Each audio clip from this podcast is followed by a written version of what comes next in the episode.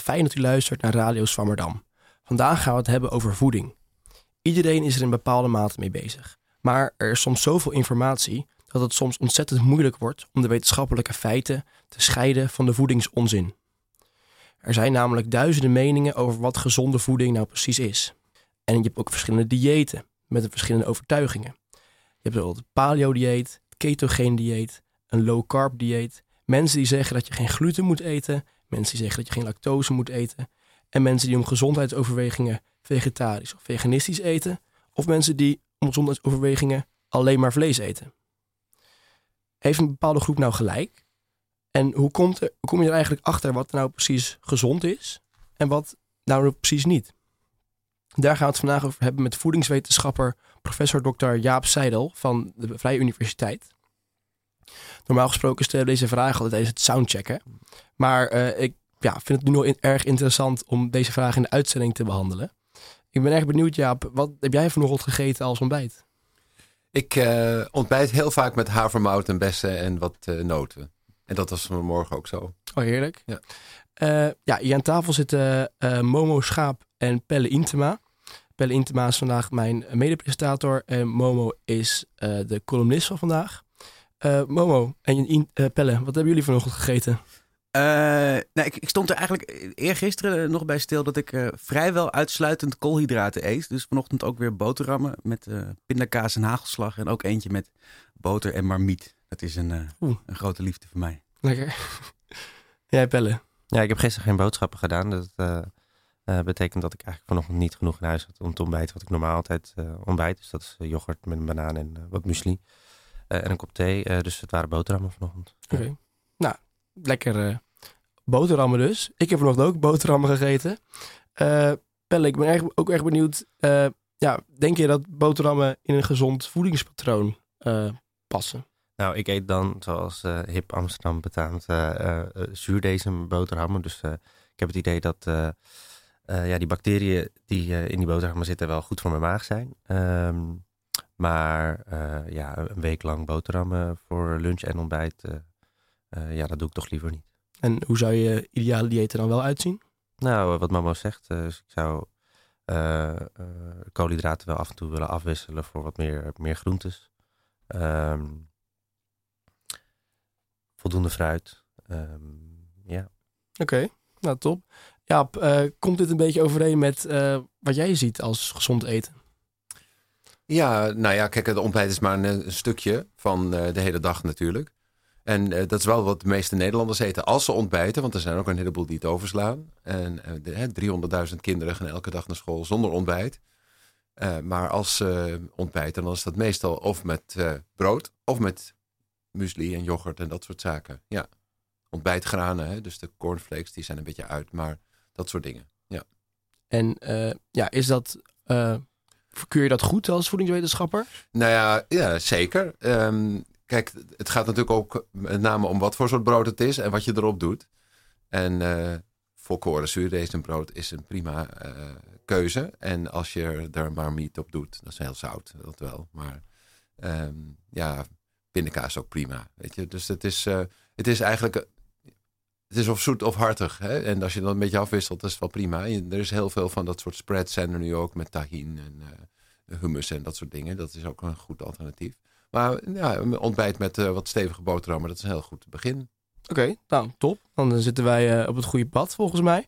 En uh, als je kijkt naar de rest van het dieet van, van, van mensen, is Nederland goed bezig? Of hoe moet ik dat voor me zien? Nee, want wat ik net zei, volkoren zuurdezenbrood met verantwoord beleg, dat is niet wat de meeste Nederlanders dan eten. Ze kopen, omdat het altijd om geld gaat vaak, en tijd en gemak en dat soort dingen en smaak kopen ze een casino wit voor uh, maar een kwart van de prijs van een zuurdesem volkoren brood.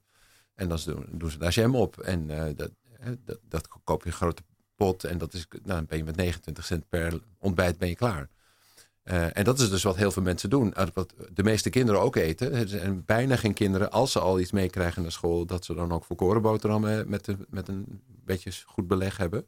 Het is bijna allemaal wit brood met jam en uh, hagelslag en dat soort dingen. Dus suiker, suiker, suiker en koolhydraten zonder voedingswaarde. En, en dat is wel een probleem. Want dan heb je ook weer heel snel honger. Want dat, dat, je krijgt een, een, een suikerpiek in je bloed en je gaat insuline produceren. gaat je glucose weer omlaag. Dus die kind, kindjes die uh, witbrood met jam eten, die hebben een half uur weer gierende honger.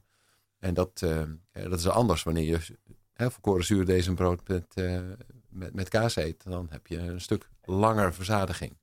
Dus nee, de, de, meeste Nederlanders doen het eigenlijk niet goed. Want um, ongeveer hebben we richtlijnen goede voeding. En dat is een beetje hè, wat net ook gezegd werd. Meer groente, meer fruit, meer volkoren graanproducten, peulvruchten, dat soort dingen. En niet te veel suiker en zout en verzadigd vet. Maar we zien dat maar 5 of 10 procent van de Nederlanders voldoet aan die richtlijnen. En we hebben een denk ik wel een probleem als het gaat om de gevolgen daarvan. de helft van de Nederlanders is te zwaar. We hebben 1,3 men, miljoen mensen die type 2 diabetes hebben. Vooral voedingsgerelateerd. Uh, te hoog cholesterol, dat zijn er uh, 3 miljoen geloof ik. En er zijn 5, 4 tot 5 miljoen mensen met hoge bloeddruk. En er zijn mensen die depressies hebben, angststoornissen, veel chronische welvaartsziekten in het algemeen.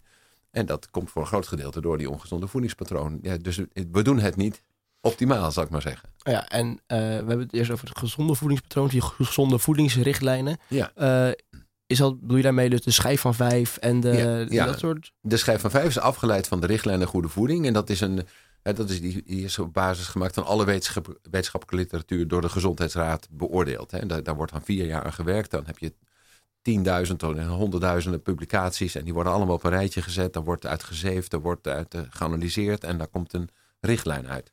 En die uh, richtlijn wordt dan vertaald in de vorm van de schijf van vijf. En die schijf van vijf moet je ook niet te letterlijk nemen, maar dat is een richting geven. En daar staan uh, heel veel producten natuurlijk in, die, die vijf productgroepen. Maar je kan ook best wel eens variëren en je kan ook een, een, groep wel laten vallen. Als je vegetarisch bent, dan kan je de groep vlees laten vallen. Uh, en als je geen koolhydraten wil eten, dan kan je die graanschijfstukje natuurlijk verlagen. Maar er staat heel veel niet in de schijf van vijf. Ongeveer alles een beetje wat in pakjes, zakjes en ultra bewerkt is. En ja, wij eten meer dan de helft van wat er in de supermarkt verkocht wordt, tot 75 procent, is van voedsel wat je eigenlijk niet zou moeten eten. Bijna alle producten die voor kinderen gemaakt worden, of het nou reepjes, toetjes, ontbijtgraan of wat dan ook zijn, staan ook niet in de schijf van vijf. Uh, dus ja, er is een hele in, sterke industriële push om ons allemaal aan het voedsel te krijgen wat niet in die schijf van vijf staat. En maar je zegt dat we heel veel bewerkt voedsel eten, van die uh, voorgepakte, kant-en-klaar gefabriceerde ja. producten. Ja. Uh, maar ja, dat dat niet uh, gezond voor ons is. Maar waarom hebben wij dan toch die behoefte om al die producten te kopen? Nou, dat heeft een aantal redenen. We, we, we willen weinig tijd en weinig geld besteden aan, aan voedsel. De, de, hoeveelheid tijd die wij nog in de keuken doorbrengen en, en bereiden en het samen eten. die was ongeveer drie uur nog twee generaties terug. Die is teruggelopen tot 15 tot 20 minuten. Uh, dus er is heel veel behoefte aan gemaksvoedsel. En uh, dat moet dan ook liefst goedkoop wezen en ook een beetje lekker. En nou ja, dan krijg je dus dat de fabrikant dan denkt, van, nou maak ik wat voor. En uh, dan kopen mensen dat dus ook massaal. En, en ook als je uit eten gaat, dan is het ook vaak weer fastfood en dat soort dingen. En dat, ja, dat heeft ons ertoe gebracht dat wij als, als, als volk eigenlijk vinden dat je... Ze, hè, we hebben nog nooit zo weinig geld besteed aan voedsel als nu. En we hebben ook nog zo weinig, nooit zo weinig tijd besteed aan voedsel als nu. We vinden het dus niet zo belangrijk. En uh, smaak, gemak en prijs, dat is bij, bij far het belangrijkste. Ja, en je zei net ook dat er inderdaad in die producten veel minder voedingsstoffen zitten. Ja. leidt dat dan ook toe dat wij dus een tekort aan verschillende voedingsstoffen hebben? Nou, ja, kijk, wat we, laat ik een voorbeeld noemen. Hè. Dus vitamines en mineralen, dat valt wel mee. Hè. Dus er is geen vitamine C gebrek meer, geen scheurbuik in Nederland. Dus dat is, valt wel mee. Maar als je ziet, we hebben optimaal voor een goede darmgezondheid en een goede fysieke gezondheid heb je ongeveer 30 tot 40 gram vezels nodig per dag. En we zitten ongeveer op 15. Uh, en dat is natuurlijk echt veel te weinig. En we moeten ongeveer 250 gram groente eten per dag. En we zitten ongeveer op nog niet de helft. En met fruit precies hetzelfde. Um, daardoor krijg je dus uh, ja, problemen met de, voedingsstoffenvoorziening. Maar met name wordt het vervangen door producten. Het, het, is niet zozeer dat we tekort hebben, maar we hebben te veel aan suikerzouten en al dat soort dingen en calorieën. Waardoor we dus die chronische welvaartsziekte krijgen. Uh, en die vitaminesupplementen, of de vitaminetekorten, die komen niet zoveel voor. De helft van de Nederlanders slikt multivitamines. Dus dat, ja, dat ter compensatie Mhm. van ongezond Werken eten. die ook echt goed of niet? Nee, nou ja, dat vervangt dus niet een gezonde voeding. Hè? Dus dat denken mensen dan. Nou ja, dan blijf ik gewoon wit brood eten met jam. En uh, dan neem ik er een pilletje bij en dan is het ook goed. Maar dan heb je dus nog steeds geen vezel en geen hoogwaardige eiwitten binnen. En niet, nou ja, de- al dat soort dingen.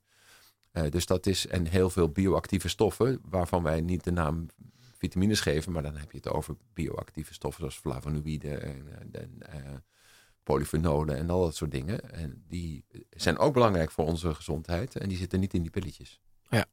En je had het net ook even over eh, al die welvaartsziektes. Ja. En eh, bij een heel hoop welvaartsziektes kan ik me heel goed inbeelden dat dat door eh ongezonde voeding komt. Hart- en vaatziekten, dat het gewoon aanslippend vet is. Maar eh, je had het ook over depressie en andere mentale welvaartsziektes. Zou je daar nog even op terug Ja, kunnen hoor, komen? zeker. Ja, we weten ook dat, eh, nou ja, kijk, eh, zo'n ongezonde gemaksvoeding, noem maar even zo, dat leidt tot verstoringen in je microbioom. Het leidt tot ge- laaggradige ontstekingen in je lichaam. Dat, dat, dat, dat weten we. En die, daardoor heb je een verzwakt immuunsysteem en je hebt problemen met je vaten. Er is hormonaal wat aan de hand enzovoort. En dat betekent dat je en, eh, hè, want hart- en vaatziekten is er niet alleen dichtslippen van vaten, maar het is vooral ook het ontsteken van vaten. En het losraken van stolsels en Mhm. al dat soort dingen. Dus er is, veel meer aan de hand. Maar de- het, dat onderliggende mechanisme van laaggradige inflammatie en een microbioom wat niet goed werkt, waardoor er allerlei stofjes die ook in de me- mentale gezondheid beïnvloeden, die is dus ook eh, verstoord. En dat betekent dat je eigenlijk ook een verhoogd risico hebt op eh, depressie en angststoornissen. En hoe zie je dat dan terug? Komt depressie ook vaker voor mensen die Ja. ongezond eten? Ja, Ja, zeker. Ja. En ook bij overgewicht komt vaker depressie voor. Ook mensen die ja, diabetes hebben. eh, Dan hebben ze ook een verstoord glucose-insulinemetabolisme. Waardoor ze ook mentale problemen hebben. Meer cognitieve achteruitgang ook eh, bij het verouderen. Eh, dus al die processen spelen mee. En het is niet... Het, vroeger hadden we het altijd over... Je hebt eh, fysieke gezondheid en je hebt een immuunsysteem en je hebt mentale gezondheid. Maar tegenwoordig zien we dat het allemaal met elkaar samenhangt. En je begon ook net over eh, overgewicht. Ja. Eh, ja, iedereen heeft wel een beeld van ongezond eten leidt tot eh, overgewicht. Ja. Maar is dat echt een, ja, een indicatie voor een ongezond dieet? Of ligt dat gecompliceerder? Nou, is er maar één indicatie. Hè? Dus er zijn een heleboel kinderen die een normaal gewicht hebben, maar die toch ongezond eten. Die is, dat duurt dan een hele tijd voordat ze uiteindelijk ook op latere leeftijd chronische welvaartsziekten krijgen. En dan al die tijd noemen we ze gezond. Dat, eh, eh, nee, dus, eh, maar als je heel erg veel te zwaar bent, en één op de zeven Nederlanders is dat, en ongeveer de helft van de Amerikanen bijvoorbeeld, hè, die echt, hebben echt obesitas dan kun je wel zeggen, ja, dat, dat, is nooit het gevolg van een heel gezond en, leefpatroon met voldoende beweging en gezonde voeding. Hè, dus eh, ja, het hangt individueel eh, ook af van je in, genetische gevoeligheid voor het ontwikkelen van overgewicht. Eh, dus het is heel veel meer dan ehm, alleen maar keuzes die je maakt in de supermarkt. Maar je kunt wel zeggen dat het aantal mensen wat in een bevolking te dik is, dat is wel een indicatie van dat het massaal eigenlijk ook in de voeding niet goed gaat. En die genetische gevoeligheid, eh, moet ik daar, een- moet, ik snap, hoe moet ik het precies voor me zien? Is het, eh, ben je dan eh, meer kwetsbaarder voor om het ongezond eten te kopen in de supermarkt? Of heb je dan een ander metabolisme? Of Dat kan allemaal het geval zijn. Er is een, een genenkaart, zoals dat heet, voor obesitas. En dan, dat is dan wat het mooi heet, de polygenetische aandoening. Namelijk zijn ongeveer 850 genen geïdentificeerd, waarin variaties uiteindelijk leiden tot meer overgewicht, als je het allemaal optelt. Maar er zijn ook eh, echt mutaties in bijvo- bijvoorbeeld eh, eh, het leptine. Hè. De leptine is een hormoon wat gemaakt wordt in het vetweefsel, wat helpt om ons verzadigingsgevoel te stimuleren en ook ons metabolisme te reguleren. En als daar een foutje in zit, dan heb je altijd honger. En dan kun je dus nooit stoppen met eten. Hè. Dus de kinderen die dat hebben bijvoorbeeld, daar moeten de ouders echt alles achter, hè, voedsel achter slot en grendel zitten. En als ze dan niet even niet opletten, dan zitten ze in de vuilnisbak. Hè. Dus dat is een onstilbare honger. Dus dat kan. Je hebt dus eh, eh, foutjes in het genetisch materiaal die echt alleen maar één mutatie leidt tot ernstige obesitas. En waar je ook niet zoveel aan kan doen dan. Eh, en, maar je hebt in onze bevolking een heleboel mensen die een beetje van dat soort genetische variaties hebben. En die allemaal opgeteld maken dat kinderen van ouders met obesitas, en, en, en dat zie je ook bij één eigen tweelingen, die hebben veel meer gewicht wat op elkaar lijkt. En ook de lengte natuurlijk, maar dus ook het mate van overgewicht. dan eh, twee eigen tweelingen. En die hebben weer veel meer overeenkomst in hun gewicht dan andere broertjes en zusjes. Nou, enzovoort. Dus er is duidelijk hè, 40 tot 70 procent van variaties in lichaamsgewicht in de bevolking komen door genetische variaties. Ja, dan, uh, je hebt het ook inderdaad over die, die mensen die ontzettend veel blijven eten. Ja. Uh, en als ik heel veel denk aan veel eten, dan denk ik heel snel aan calorieën. Ja. En uh, hoe verhouden die dan zich tot gezonde voeding? Moet je altijd die, die richtlijnen qua calorieën volgen? Nou ja, dat is, er is een enorme focus op, uh, op calorieën. Er, er is net, net een boek verschenen en dat heette Why Calories Don't Count. Hè, waarom calorieën niet tellen. En, en, waarom dat onverstandig is. Want het gaat ook om de kwaliteit van voeding. Hè, dus als je alleen maar calorieën telt, ja, dan kun je wel wat aan je gewicht doen. Maar dan verandert er niet zoveel van aan je gezondheid.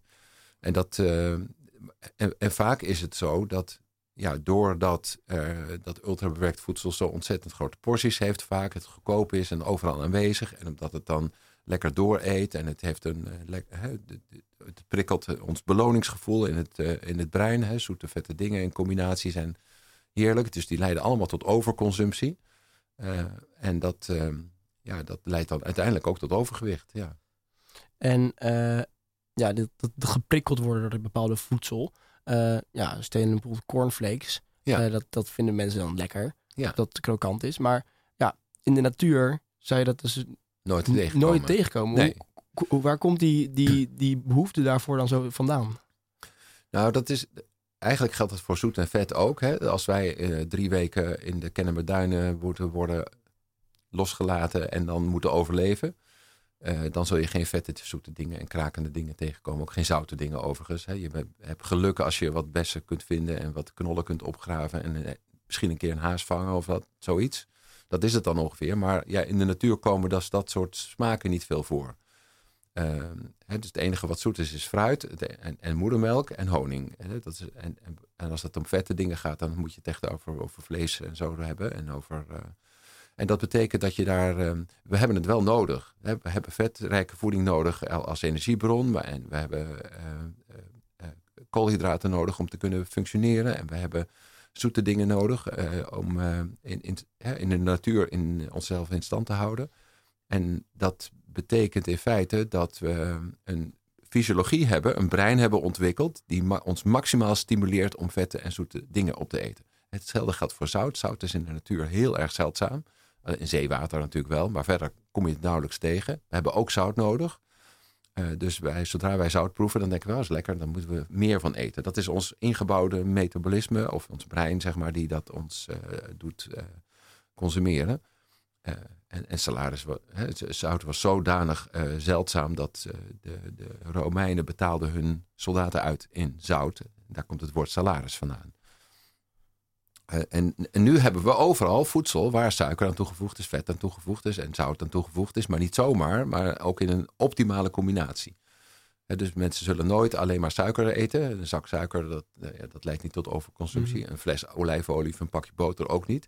Maar wanneer je het gaat combineren, dan geeft het een optimale respons in ons brein. Dan wordt er dopamine vrijgemaakt en al dat soort zaken. En dan krijg je een heerlijk gevoel. Dat is wat veel mensen ook herkennen als troost eten. Als je zo'n regenachtige dag als vandaag hebt en je zit op de bank je bent nat en het is rot en je hebt ruzie enzovoort, nou dan, dan grijp je naar zoete vette dingen of naar zoute chips. En uh, uh, dus al onze zintuigen doen, uh, doen mee. En, en dat kraken, dat is ook wel interessant. Hè? Dus als cornflakes niet kraken, dan eten mensen ze niet. Als chips niet kraken, dan vinden we ze ook niet lekker.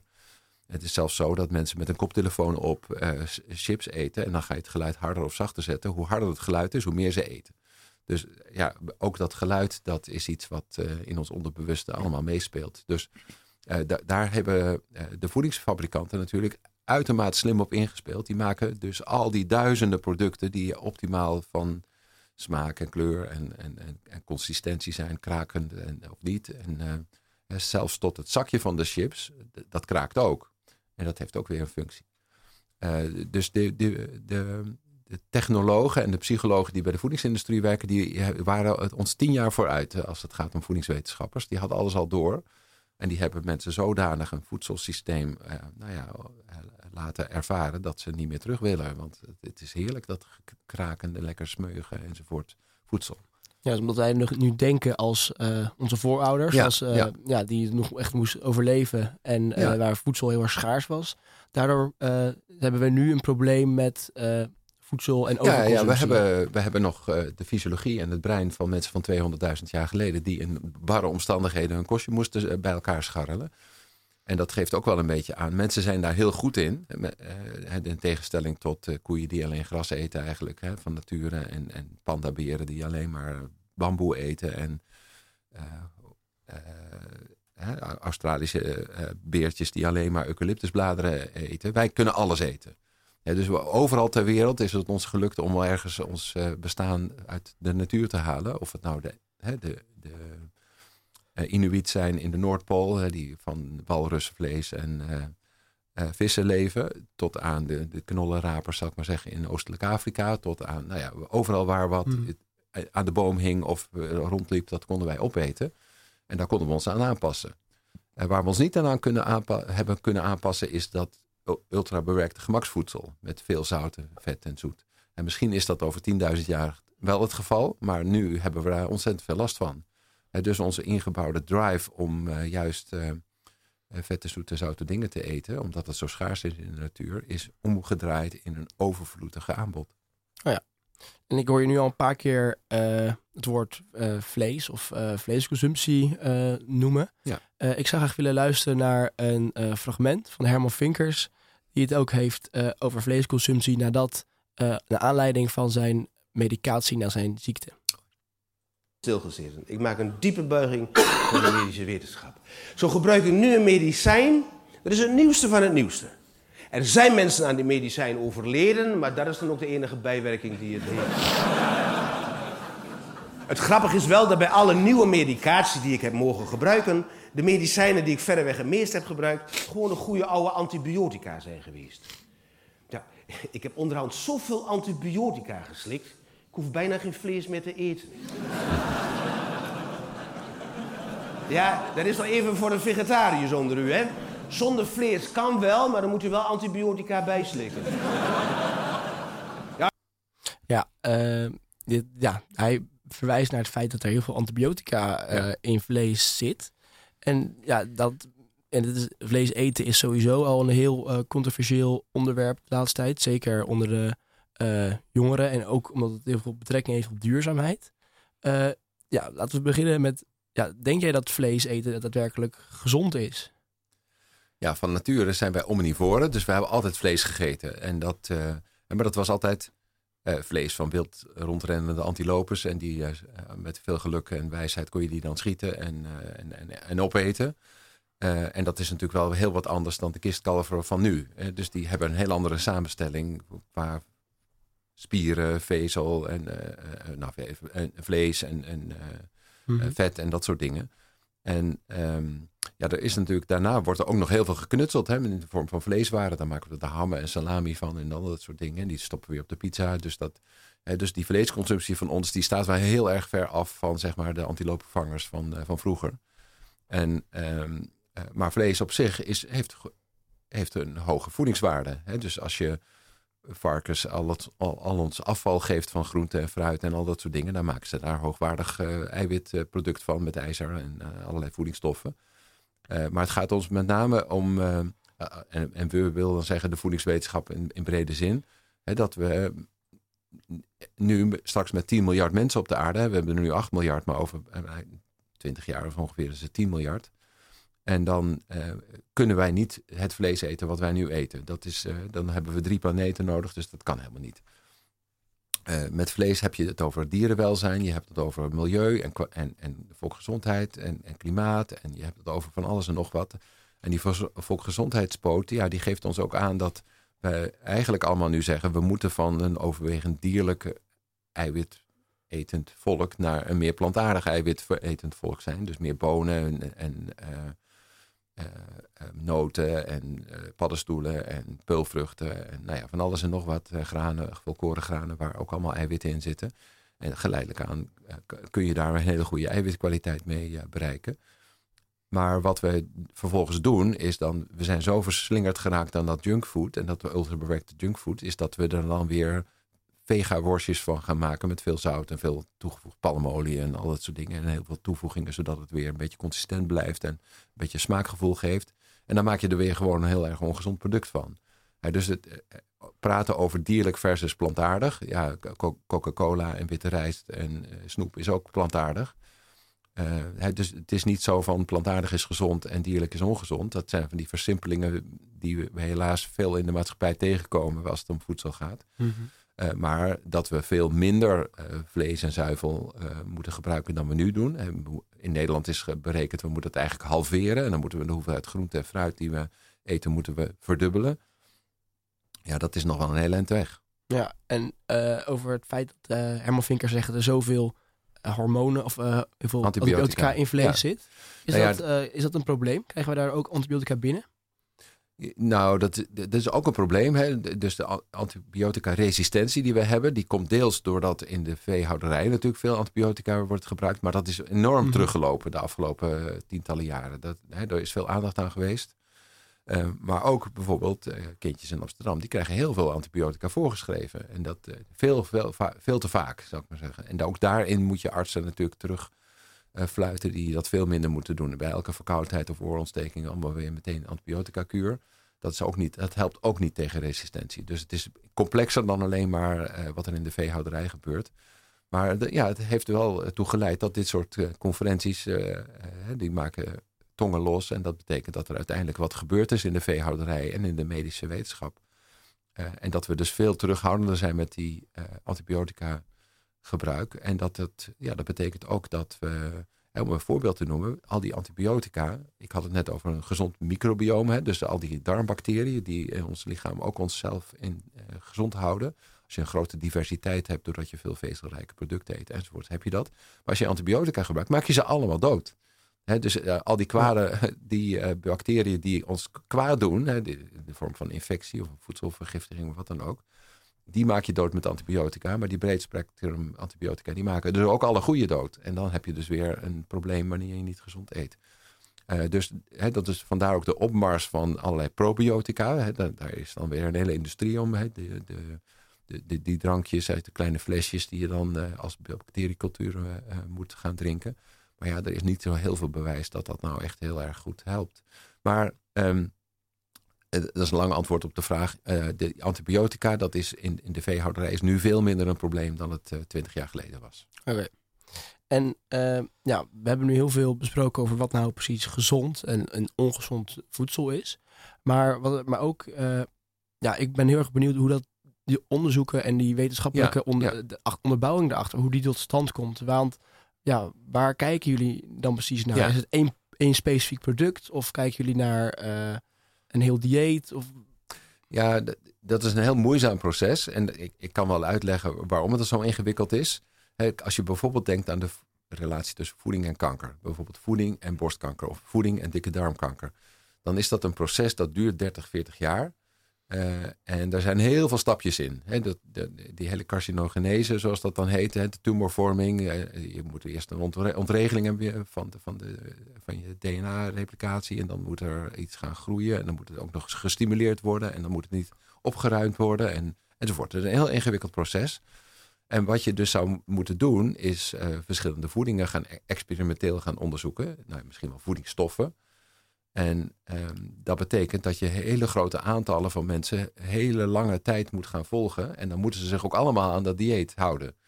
dus eh, stel je voor dat je wil kijken of vlees nou leidt tot meer dikke darmkanker. Dan moet je 20.000 mensen gedurende 40 jaar volgen. Om te kijken of de mensen die je verplicht om e-, vlees te eten. nou meer dikke darmkanker krijgen dan de mensen die, dat, die verplicht geen vlees mogen eten van jou. Nou, dat soort experimenten worden niet gedaan. Dat is de hoogste graad van. dus wat we doen is we vragen mensen lijstjes in te vullen van wat eet u nu zo ongeveer. En dan kijken we later wel wat er gebeurt. Dan volgen we ze, hè, dat heet dan epidemiologisch onderzoek. En dan zie je later, goh, de mensen die aankruisten dat ze veel vlees aten, die hebben meer dikke darmkanker. Maar die mensen die veel vlees aten, die rookten ook meer en die dronken meer alcohol. Ze aten minder groenten, ze aten minder fruit, ze aten vaker gefrituurd, ze aten vaker witbrood. Vaker, weet je, dat, ja, wat was dat nou dat vlees? Of was het gewoon dat die vleeseters gewoon een ongezonde leefstijl hebben? Mhm. En dat soort dingen kun je dus het epidemiologisch onderzoek nooit halen. Nou, dan houdt, rest ons nog experimenten doen. Met, hè, dan geef je mensen vlees. Maar hoe lang kan je dat dan doen? Nou, dat is enkele maanden. En dan heb je nog geen kankerincidentie. Dus dan ga je kijken, nou, wat gebeurt er nou met de hè, eh, cytokines en wat gebeurt er met de inflammatie en wat gebeurt er in de darm en kunnen we daar iets over afzeggen? En misschien kunnen we dan wel zeggen, nou, misschien leidt dat dan wel langer, later, over 20 jaar, tot kanker, maar we weten het niet goed. Uh, dus dat betekent eigenlijk dat die voedingswetenschap uh, zo complex is, uh, omdat het over heel veel interacties gaat tussen voedingsstoffen en onze eigen biologie en het langdurige proces van chronische welvaartsziekten. Je krijgt niet zomaar een hartinfarct en je krijgt niet zomaar of een beroerte, je krijgt niet zomaar kanker, je krijgt niet zomaar diabetes. Dat is onze, een, leefpatroon wat ons hele leven gaat doen en daar kan je niet in experimenteren. Uh, dus je moet het met aanwijzingen doen. Hè? Dus we hebben biomarkers van ziekte. Dus dan kun je het in experimenten kun je naar kijken.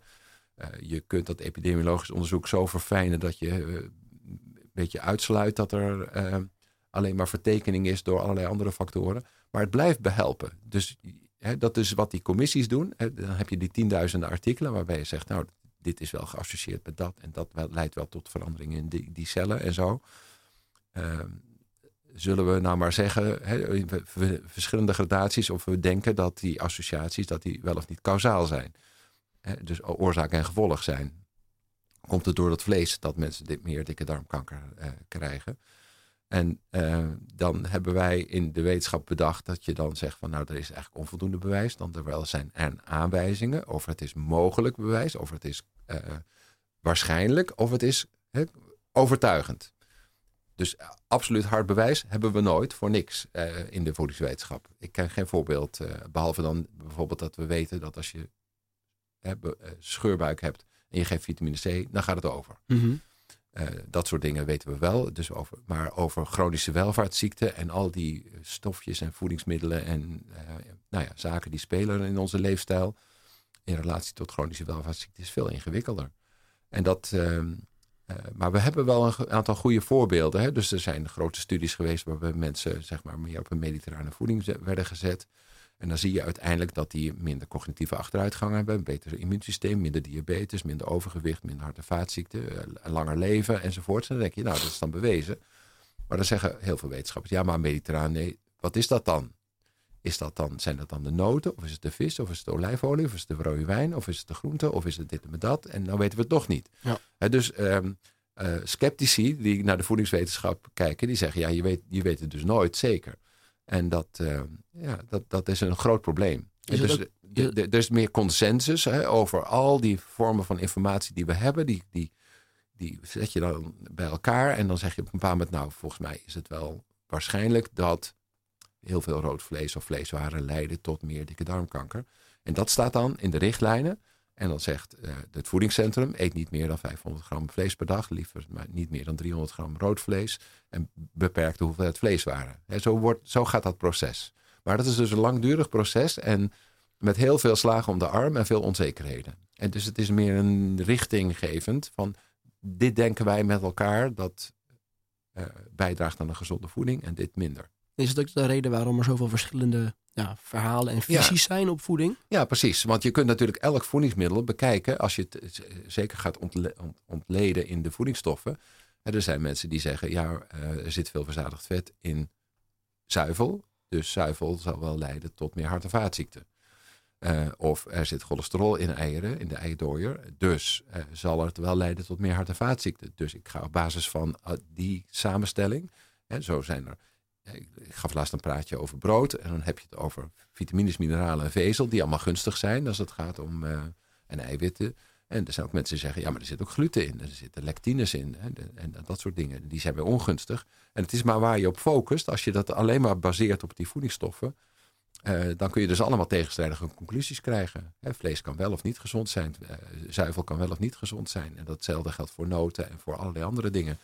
En dat maakt dat er, dat er ja, elke keer weer mensen zijn die zeggen van ik schrijf een boek over vooral dat aspect. En dan, hè, dus aan de ene kant zie je uh, mensen die veel volkoren graanproducten eten. Dus veel volkoren zuurdezenbrood, zoals wij hier uh, aan tafel ook wel eens doen. Uh, die hebben uiteindelijk minder chronische welvaartsziekten.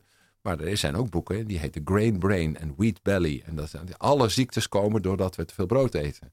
En zo zijn er ook boeken over zuivel, zo zijn er boeken over groenten, zo zijn er boeken over vlees, zo zijn er boeken over suikers, zo zijn er boeken over enzovoorts. Hè. Dus als je al die dingen maar steeds reductionistisch gaat bekijken, dan kom je steeds weer tot andere conclusies. En dat leidt tot allerlei verwarring. Maar als je honderd voedingswetenschappers, dat hebben we wel eens gedaan, of de hele wereld, die elkaar allemaal in de haren vliegen over van, van nog een, alles en nog wat.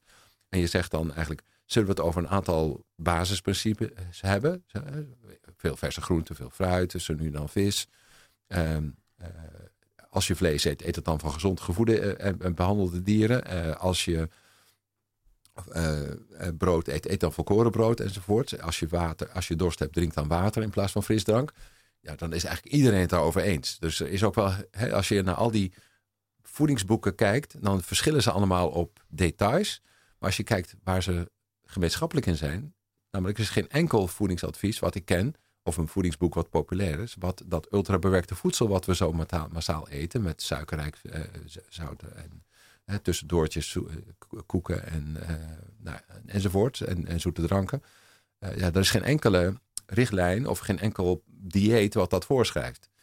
dus ze hebben veel meer gemeen dan dat ze verschillen. En dat, dat, we moeten ook veel meer de overeenkomsten benadrukken dan, denk ik, ons ja, helemaal blind te staren op een aspect. Uh, bijvoorbeeld lectines of uh, palm, palmolie in nou ja, bepaalde voedingsmiddelen. Ja, daar komen we zo nog op terug. Op uh, wat er moet gebeuren in, ja, op maatschappelijk gebied. Op, om goede voeding te prom promoten. Maar eerst wil ik ja, de column van Momo Schaap beluisteren. Momo heeft ook een bepaalde visie op gezond eten. En uh, die wil die graag met ons delen. Momo, het woord aan jou. Yes, dankjewel. Um, een paar jaar geleden waren maaltijdshakes onder mijn vrienden even helemaal de rage. De favoriet was die met bananensmaak. Een schep poeder met water erbij werd tot een dikke, melige smurrie die alle benodigde voedingsstoffen zou bevatten. Zelf vond ik er niet zoveel van, maar het bleek een bijzonder controversiële praktijk. Hoe durfden ze in vredesnaam aan dat fundamenteel menselijke ritueel te tornen? We noemden die smurrie voor de grap astronautenvoer, maar op de website van NASA lees ik dat de bemanning van het International Space Station kan kiezen uit wel 200 verschillende soorten voedsel, vaak met pijn en moeite geoptimaliseerd voor raketvervoer. Voor velen is voedsel blijkbaar meer dan de totaliteit van zijn bestanddelen, meer ook dan alleen voeding. Evenwel is het idee om de maaltijd terug te destilleren naar zijn essentiële bouwstenen beslist niet nieuw. Huidige varianten van de maaltijdshake zijn afgeleid van Soylent, dat tien jaar geleden werd bedacht door een programmeur in Silicon Valley die geen zin had om zijn computer te verlaten voor het avondeten. Hij mengde alle voedingsstoffen die op een Amerikaanse overheidssite als essentieel werden beschreven tot een poeder, voegde water toe en voilà. De naam ontleedde hij aan Soylent Green, een dystopische film uit de jaren 70. Daarin komt een samenleving in opstand nadat iemand tot een gruwelijke ontdekking komt dat het poedervoedsel dat zij iedere dag eten eigenlijk van mensen is gemaakt. Een merkwaardige grap als je het mij vraagt. We kunnen nog een heel eind verder terug. In Exodus, het Bijbelboek dat de vlucht van Mozes en de Israëlieten uit Egypte beschrijft, is misschien het oudste voorbeeld van een dergelijk goedje te vinden. Als na het splijten van de Rode Zee de gemoederen een beetje bedaard zijn, wordt het volk Israël hongerig. God komt snel met een oplossing. Hij schenkt hun manna, dat afwisselend wordt beschreven als zoetige korrels of vlokken. Duidelijk is dat het voldoende voedingsstoffen bevat voor een gebalanceerd dieet. Niets te klagen zou je zeggen, maar het wordt de Israëlieten op een gegeven moment te bond. Na veertig jaar gezworven te hebben door de woestijn, lijkt zelfs slavernij in Egypte ze nog wenselijker dan om voor de zoveelste keer weer manna te moeten eten. Dit overigens tot grote frustratie van de Heer, die dreigt dat als vlees is wat ze willen, ze het kunnen krijgen en vlees willen eten tot het hun neus uitkomt. Laat het maar aan mensen over om van zoiets banaals als brandstof zo'n groot ding te maken. Poedershakes werden en zijn een redelijk succes, maar net als de oud-testamentische Israëlieten en de astronauten op het ISS kregen mijn vrienden er na verloop van tijd tabak van. Dan maar koken of iets afhalen om de hoek. Want voedsel is nu eenmaal meer dan voeding. Vrijwel iedere religie kent spijswetten, maar ook in de seculiere sector kunnen mensen hun hele identiteit aan een dieet ontlenen. Dat zal misschien ook wel verklaren waarom mensen zo vatbaar zijn voor onzin. Eetcultuur gaat diep en betreedt gebied waarover de wetenschap niet zoveel te zeggen heeft en waar gezondheid breed gedefinieerd kan worden. Ik heb de waarheid ook niet in pacht, maar als je wil dat mensen evenwichtiger eten, is het gevoel misschien een plek om te porren. Een goed verhaal kan wonderen doen. Dankjewel Momo voor deze mooie column. Ja, het is misschien wel duidelijk dat uh, Jaap, jouw uh, definitie van gezond eten, dat daar uh, zo'n voedingsshake niet tussen past, per se. Maar... Nou ja, dat, daar kun je wel op overleven. Hè? We weten natuurlijk uit de ziekenhuizen ook dat als mensen ernstig ziek zijn, dan krijgen ze voeding via een infuus. En dat gaat prima. Daar overleven ze heel goed op. Ze krijgen geen tekorten, ze worden ook niet te dik en ze krijgen er ziektes van. Dus het kan wel. Maar inderdaad, voedsel is natuurlijk veel meer. Hè? Voedsel is ook, je deelt het met elkaar. Je, je, uh, je, ontleent je identiteit aan, zoals net ook al uh, gezegd werd. En um, uh, ja, wat we in die astronautenvoeding, om het maar even zo te noemen, vaak ontbreekt, is het is gebaseerd op wat we wel weten. Dus een multivitaminepreparaat heeft ijzer en selenium en vitamine A enzovoort. Mhm. Maar niet al die andere bioactieve stoffen. En het heeft ook geen vezel. En het heeft ook geen uh, eiwitten. En het heeft enzovoorts. Dus uh, ja, ook, ook wat betreft voedingswaarde is er, ontbreekt er heel veel aan dat soort suppleties of vervangers. Maar los daarvan, ik denk dat het inderdaad zo is dat voedsel een hele belangrijke sociale functie heeft. Wij zien het aan, aan scholen waar we uh, die, de, kindjes op in de Nederlandse school bij een uh, continu rooster, die hebben acht minuten om een uh, trommeltje witbrood te leggen te eten, als ze tenminste wat meegekregen hebben. en we hebben duizenden van die trommeltjes gefotografeerd en het is allemaal ongeveer hetzelfde. En ze krijgen het niet op, want er is te weinig tijd. Hè? Dus zo, zo belangrijk vinden we het dan. en als we zien, als je dan een maaltijd gaat serveren, ook cultureel aangepast en je experimenteert eens wat. En, het is een drie gangen maaltijd en eh, in Frankrijk doen ze dat ook. Dan, eh, je begint met rauwkost en, en eh, dan heb je, of salade, en dan heb je een groentemaaltijd met vis of vlees of vega, maakt niet uit. En dan heb je vers fruit na en dan drink je nog wat water. En je doet het met elkaar en allemaal aan dezelfde tafel en iedereen eet mee. Dat is een beetje het idee. En op die manier krijg je veel meer ook verbinding. Je, we zien uit dat soort studies dat de fysieke gezondheid omhoog gaat, de mentale gezondheid gaat omhoog, de schoolprestaties verbeteren, maar ook dat er minder pestgedrag is. Weet je? Dus ja, en dat, dat, gebeurt, dat komt dan door voedsel. Weet je? Dus het is veel meer dan alleen maar. Je, je had, had ook al die kinderen als het ware een shake kunnen geven of een infuus, bij wijze van spreken. Uh, maar dan heb je al dat soort dingen natuurlijk niet. Hè? Dan, uh, die tijd dat je uh, met elkaar zit te eten en over eten zit te praten enzovoort. En verschillende smaken en met zorgbereid. Hè, dus ook, het heeft ook iets met gastvrijheid en zo te maken. Uh, dat is ook heel belangrijk in de cultuur in Amsterdam. Dat zien we ook. Hè. Mensen zijn vooral de hele dag bezig met eten. En dan ja, vooral gasten. En je, zet ze eh, je beste dingen voor. En nou ja, dat, op die manier spreek je ook waardering uit. Ja, als je met een shake aankomt in een, in een, bij een groot feest, ja, dan is dat natuurlijk, is dat, heb je helemaal die waarde niet. Dus inderdaad, wat, uh, wat heel treffend in de column werd gezegd. Uh, voedsel verbindt. En voedsel is veel meer dan de optelsom van. Uh, net zoals wij als mensen ook meer dan de optelsom zijn van biochemische processen.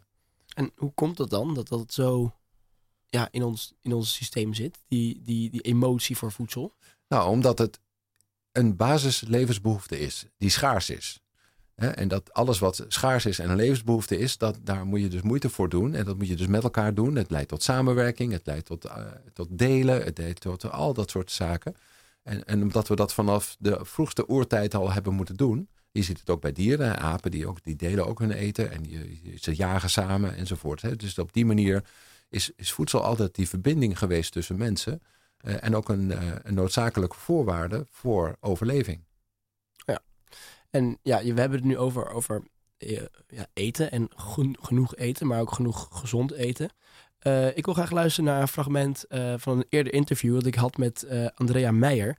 En daarin zegt ze iets wat mij heel erg ja, verbaasde over voedsel. Om die ziekte te voorkomen, daardoor moet je dus een gezonde leefstijl hanteren. En uh, wij weten al, en dat is gewoon uh, evidence-based noemen wij dat. Dus er is genoeg bewijs uh, dat iedereen dat eigenlijk zou moeten, moeten doen. met genoeg voldoende beweging en, en een bepaald dieet. met name ook even minder eten dan dat je zou willen eten. En de goede slaaphygiëne, niet roken. weten wij dat we daar niet alleen wel levenswinst, dus aan jaren, maar ook gezondheidswinst kunnen halen. Uh, je zegt uh, minder eten, dat vind ik nogal bijzonder klinken. Zou je dat uit kunnen leggen? Ja, ehm, ja, dat klinkt heel raar. Maar in principe eten, eet de, de, de gewone Nederlander gewoon veel te veel. Wij noemen dat ook calorische restrictie of ehm, intermittent fasting. Uh, ik leg het even uit. Uh, calorische restrictie is ongeveer 30% minder eten van wat je zou willen eten. Onafhankelijk van of je, wat voor gewicht uh, je hebt, is geassocieerd uh, met een langer leven. Omdat in principe hebben we minder calorieën nodig dan wij normaliter eten. En de intermittent fasting is het idee sorry, dat je de cal calorieën alleen maar uh, toe je neemt in een bepaalde duur van de dag, in een bepaalde periode. En er zijn verschillende regimes. Uh, dat je bijvoorbeeld alleen maar vanaf 1 uur s middags, rond de lunchtijd, begint te eten tot en met 8 uur s avonds. En het lichaam dus blootstelt aan een heel lange periode, namelijk ochtends bijvoorbeeld niets eten, uh, om, ja, om te vasten. En het idee daarbij is dat je je lichaam dus niet de hele tijd blootstelt aan, uh, aan eten. Uh, eten betekent namelijk dat je het lichaam bezighoudt. En als een lichaam bezig is, dan kan het lichaam niet ermee bezig zijn om zichzelf te repareren. Om een soort van reparatiefase uh, in te bouwen. Moet, ja, en uh, Andrea heeft het dus over intermittent fasting of, of Ja. minder eten. Ja. Moeten we dan ook ja, Nou ja, alle ik vind, gaan vasten? ik vind het een mooi voorbeeld van een wetenschapper die zegt: het is evidence-based, maar gebaseerd op evidence die misschien niet zoveel zegt. Eh, dat wil zeggen, dit, zij verwijst naar 30, 40 procent re- reductie in, in calorieinname bij muizen. Daar, Mhm. Daarvan weten we dat die dan een langere levensverwachting hebben. Eh, en dat kan tot wel de, de- in, in, in, in mensenjaren 10 jaar schelen. Eh, dus dat is prachtig. Mhm. Wat ze er niet bij vertelt is dat dat nog nooit bij mensen is onderzocht. En dat die muizen problemen kregen met reproductie, immuunsysteem, met eh, eh, wat was er nog meer? Ehm, eh, nou ja, dat, dat soort zaken. Hè? Dus, dat, dus het ging eigenlijk helemaal niet zo goed. Want zodra er een griepje over die muizen ging, waar, gingen ze ook allemaal wel heel snel dood. Dus, we, maar ze hadden geen chronische welvaartsziekte. Dus ze kregen geen diabetes en geen hart- en vaatziekten en dat soort dingen. En, maar bij mensen is dat niet geprobeerd. En wat we niet willen is dat het leidt tot, eh, tot, tot problemen in het brein en in het immuunsysteem en in de reproductie en dat soort zaken. Eh, zeker niet als mensen geen overgewicht hebben. Maar dat mensen met overgewicht minder moeten eten. En dat ze, als, ze, als zij dan hun calorie, eh, calorieinname restrictie hebben, dan krijgen ze een normale gewicht. Dan krijgen ze hè, normale glucosegehalte, de bloedvetten verbeteren, de bloeddruk wordt beter. En natuurlijk leven ze dan langer. En het is ook wel uitgerekend dat wanneer je echt volgens die, eh, die richtlijnen goede voeding eh, eet, hè, dus minder suiker en minder eh, van die ultrabewerkte voedingsmiddelen en dat meer groente, meer fruit en meer volkoren graanproducten en meer, nou ja, enzovoort, speelvruchten, dat soort zaken en, en zo nu en dan vis, dat dat kan leiden tot tien jaar langer leven. Maar het gaat, en, en dat is ook een beetje jammer van het verhaal van mevrouw Meijer. Zij heeft het alleen maar voor calorieën. Maar ja, je kan die calorieën uit, uit, uit, Coca-Cola halen, bij wijze van spreken. Maar je kan ze ook uit groente en fruit halen. Heeft dat een verschillende werking op het brein? Ja, natuurlijk. Hè? Dus het versimpelen eh, van muizenexperimenten en dat vertalen naar de mens. En eh, vervolgens ook zeggen dat het alleen maar om calorieën gaat. Dat is de versimpeling die wetenschappers vaak maken als ze reductionistisch denken. En waardoor je de plank eigenlijk ook weer mislaat. Oké, ja. En eh, ja, het is wel een lastig, want je wilt wel mensen informeren over ja. gezonde voeding. Maar daarvoor moet je het in bepaalde mate toch wel Ja. iets wel Nou reduceren. ja, eh, wat ze in het begin deed was natuurlijk heel verstandig. Ze zei maar ook gezond eten, eh, goed slapen, meer bewegen, voldoende lichaamsbeweging, dat soort dingen. Dat zijn ver- verstandige adviezen. Eh, en meer eten volgens de schijf van vijf, dat is ook handig. Dan eet je vanzelf ook wat minder calorieën. En verder is het, eh, er werd net verwezen naar de Bijbel, maar naar allerlei andere ook eh, traditionele voedingsadviezen die al duizenden jaren er zijn, is altijd dat je niet moet eten tot je helemaal vol zit. Dus eh, eh, de Bijbel zegt een derde voedsel, een derde eh, de, drank en een derde leeg. De Japanners zeggen tot 80% eten. En dus er, dus er zijn er eindeloos veel van dat soort variaties. De- de- echt alle volkeren hebben ze, alle religies hebben ze ook. Ze hebben ook dat vasten, zo nu en dan. Om jezelf te onthouden en dat, dat dat goed is voor je gezondheid. Dus ja, houd gewoon bij de oude adviezen. Ja, en dan nou, mijn laatste vraag. En dat is misschien wel de meest ja, uitgebreide, misschien wel de langste vraag. Maar wat moet er dan precies allemaal gebeuren om iedereen eh, aan gezonde eten te krijgen? Om een gezond, gezond vo- voedingspatroon bij iedereen daar bewust van te maken. Nou ja, ik had vanmorgen nog een, eh, nog een, eh een fitty op Twitter, zeg maar. Ik zei ook iets daarover, over gezondheid en dat soort dingen. En toen zeiden mensen, ja, maar de mensen willen het niet en ze doen het niet. En ik vertel ze, als, ik, ik zeg tegen moeders, eet ze nou, geef ze nou meer volkoren brood en geef ze nou meer groenten. En ze doen het niet. Eh, dus voorlichting, en dat denken zij dan, die, die mensen die dat eh, boos schrijven, die, zeggen het ligt niet aan ons, het ligt niet aan de maatschappij, het ligt aan die mensen. De, men, de mensen doen het verkeerd. Eh, en ik denk dat dat een grote misvatting is en dat je dat met voorlichting kunt opheffen. We- om gewoon een voorbeeld te zien, wij, wij vertellen moeders dat ze meer groenten moeten eten en geven aan hun kinderen en meer volkoren graanproducten. En dat ze water moeten drinken en geen frisdrank. Eh, maar dat vinden ze dan heel moeilijk, want qua cultuur en qua tijd en economie en nou ja, va- kennis, vaardigheden enzovoorts is het gewoon heel erg ingewikkeld om die gedragsverandering te maken. Maar wanneer je een gezonde schoollunch aanbiedt aan alle schoolkinderen, dan eten ze het allemaal. Er is werkelijk geen enkel kind wat dan gewoon niet meedoet.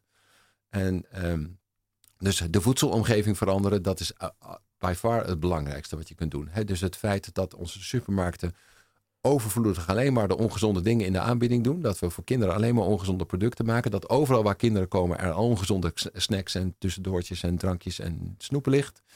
Eh, dat is een groot probleem. En dat wanneer je dat, als je dat weghaalt eh, en je geeft kinderen de mogelijkheid om water te drinken als ze dorst hebben op school, dan gaan ze dat doen. Maar als je er een frisdrankautomaat neerzet en je haalt alle kraantjes weg en eh, fonteintjes, dan is dat voor de portemonnee van de frisdrank, frisdrankfabrikant heel erg gunstig, maar niet voor de keuzevrijheid van kinderen. Dus eh, ja, wat we moeten doen, en dat is het kortste antwoord, is we moeten eh, met elkaar werken aan een gezonde voedselomgeving. We zien in de wijken, eh, Amsterdam Nieuw-West bijvoorbeeld, heb ik met een programma een, een beeld gemaakt van voedselomgeving voor tieners in Amsterdam Nieuw-West. Alleen maar ongezond. Dus alles wat, er, wat betaalbaar en beschikbaar is, is hoge, grote porties, ultra, ultra bewerkt gemaksvoedsel. Eh, wat uiteindelijk zorgt dat zij minder voedingsstoffen binnenkrijgen dan eh, ze hebben. En dat ze massaal overgewicht hebben. Dus dat, de, dus de voedselomgeving veranderen, daar heb je dus een sterke overheid voor nodig. En je hebt ook eigenlijk iedereen nodig. Een schoolbestuur moet zeggen, waarom hebben we eigenlijk alleen maar ongezonde dingen in de schoolkantine? Een ziekenhuis moet denken van, wij geven eigenlijk allemaal voeding aan onze patiënten en ons personeel en aan de klanten, die helemaal niet past bij gezond blijven of gezond worden. Oh, en, in de gemeentehuizen en al dat soort openbare ruimtes is altijd standaard default aanbod, of het nou recepties zijn of nou, enzovoort, is ongezond. En eh, dat moeten we dus met elkaar veranderen. Nou, duidelijk. We hebben heel, lang- heel lang gehad over voeding. En ik denk dat het, ja, we nog lang niet uitgepraat zijn over voeding. En dat er nog zoveel te bespreken is. Maar de uitzending eh, loopt op zijn eind. Ik wil je heel erg bedanken voor je komst, eh, Jaap. Als de luisteraar nog meer wil weten over voeding, over gezonde voeding, eh, kunnen ze altijd eh, een van je boeken lezen. Ja, hartstikke bedankt voor je, voor je, voor je aanwezigheid. Momo, ook ont- onwijs bedankt voor het schrijven van de column. Ik heb er erg van genoten. En Pelle, bedankt voor jouw bijdrage als co-presentator. En eh, ook wil ik Bart bedanken, Bart Verplanken, voor zijn bijdrage in de techniek vandaag. Lijkt het jou nou leuk om ook radio en podcast te maken over, vers- over verschillende wetenschappelijke onderwerpen? Kijk dan op onze website www.radioswammerdam.nl. We zijn namelijk op zoek naar nieuwe redactieleden. En wie weet kan jij onze redactie komen, komen versterken vanaf 2023. Heeft u vragen of opmerkingen? Stuur ons gerust een berichtje via social media of ouderwets een mailtje naar radioswammerdam.gmail.com. Op Instagram, eh, Twitter eh, en Facebook kunt u ons ook volgen om nooit meer iets te missen van Radio Swammerdam. Deze uitzending wordt vanmiddag geüpload op alle podcastkanalen, zodat u hem nog een keer kan terugluisteren of kan delen. Mijn naam is Thomas Verhagen. Eh, bedankt voor het luisteren naar Radio Swammerdam en ik wens u een hele fijne zondag.